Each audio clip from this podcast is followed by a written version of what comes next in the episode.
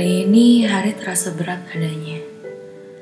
Pagi ke pagi, aku terjerat ambisi, membuatku lupa bagaimana caranya menikmati hidup ini. Sahabat dan kerabat pelan-pelan mulai kuabaikan, seperti manusia alfa yang selalu sendirian dan berjuang sendirian. Tapi aku tahu, aku butuh kawan. Awan memberi pesan agar tidak selalu berusaha untuk menjadi cerah. Dia pun mengingatkan kadangkala sesuatu itu harus dirasa. Di kala mendung, kita boleh untuk menangis.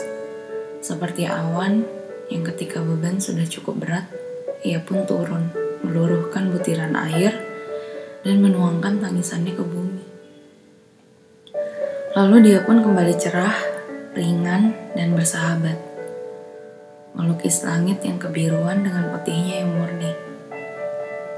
Awan ingin memberi pesan kepada bumi agar jangan terlalu keras seperti tanah yang tandus. Sesekali musim hujan harus hadir supaya tanaman bisa tumbuh, agar bumi dapat memberi makan kepada makhluk hidup lainnya dan menjadikan bumi lebih indah dengan warna yang menyejukkan, serta menjadi tempat tinggal yang nyaman untuk makhluk hidup lainnya. Terkadang kita suka lupa bahwa hidup kita harus melewati beberapa fase. Terkadang matahari selalu bersinar, memberikan hangat dan semangatnya yang membakar untuk penghuni bumi. Tapi kadang awan datang dan memberi bumi tempat untuk menuangkan segala rasa dan beban yang selama ini tak tersalurkan. Bersama bulir-bulir air yang awan tuangkan diluruhkannya semua perasaan manusia yang terbendung, agar manusia bisa menjalani harinya lagi dengan lebih baik.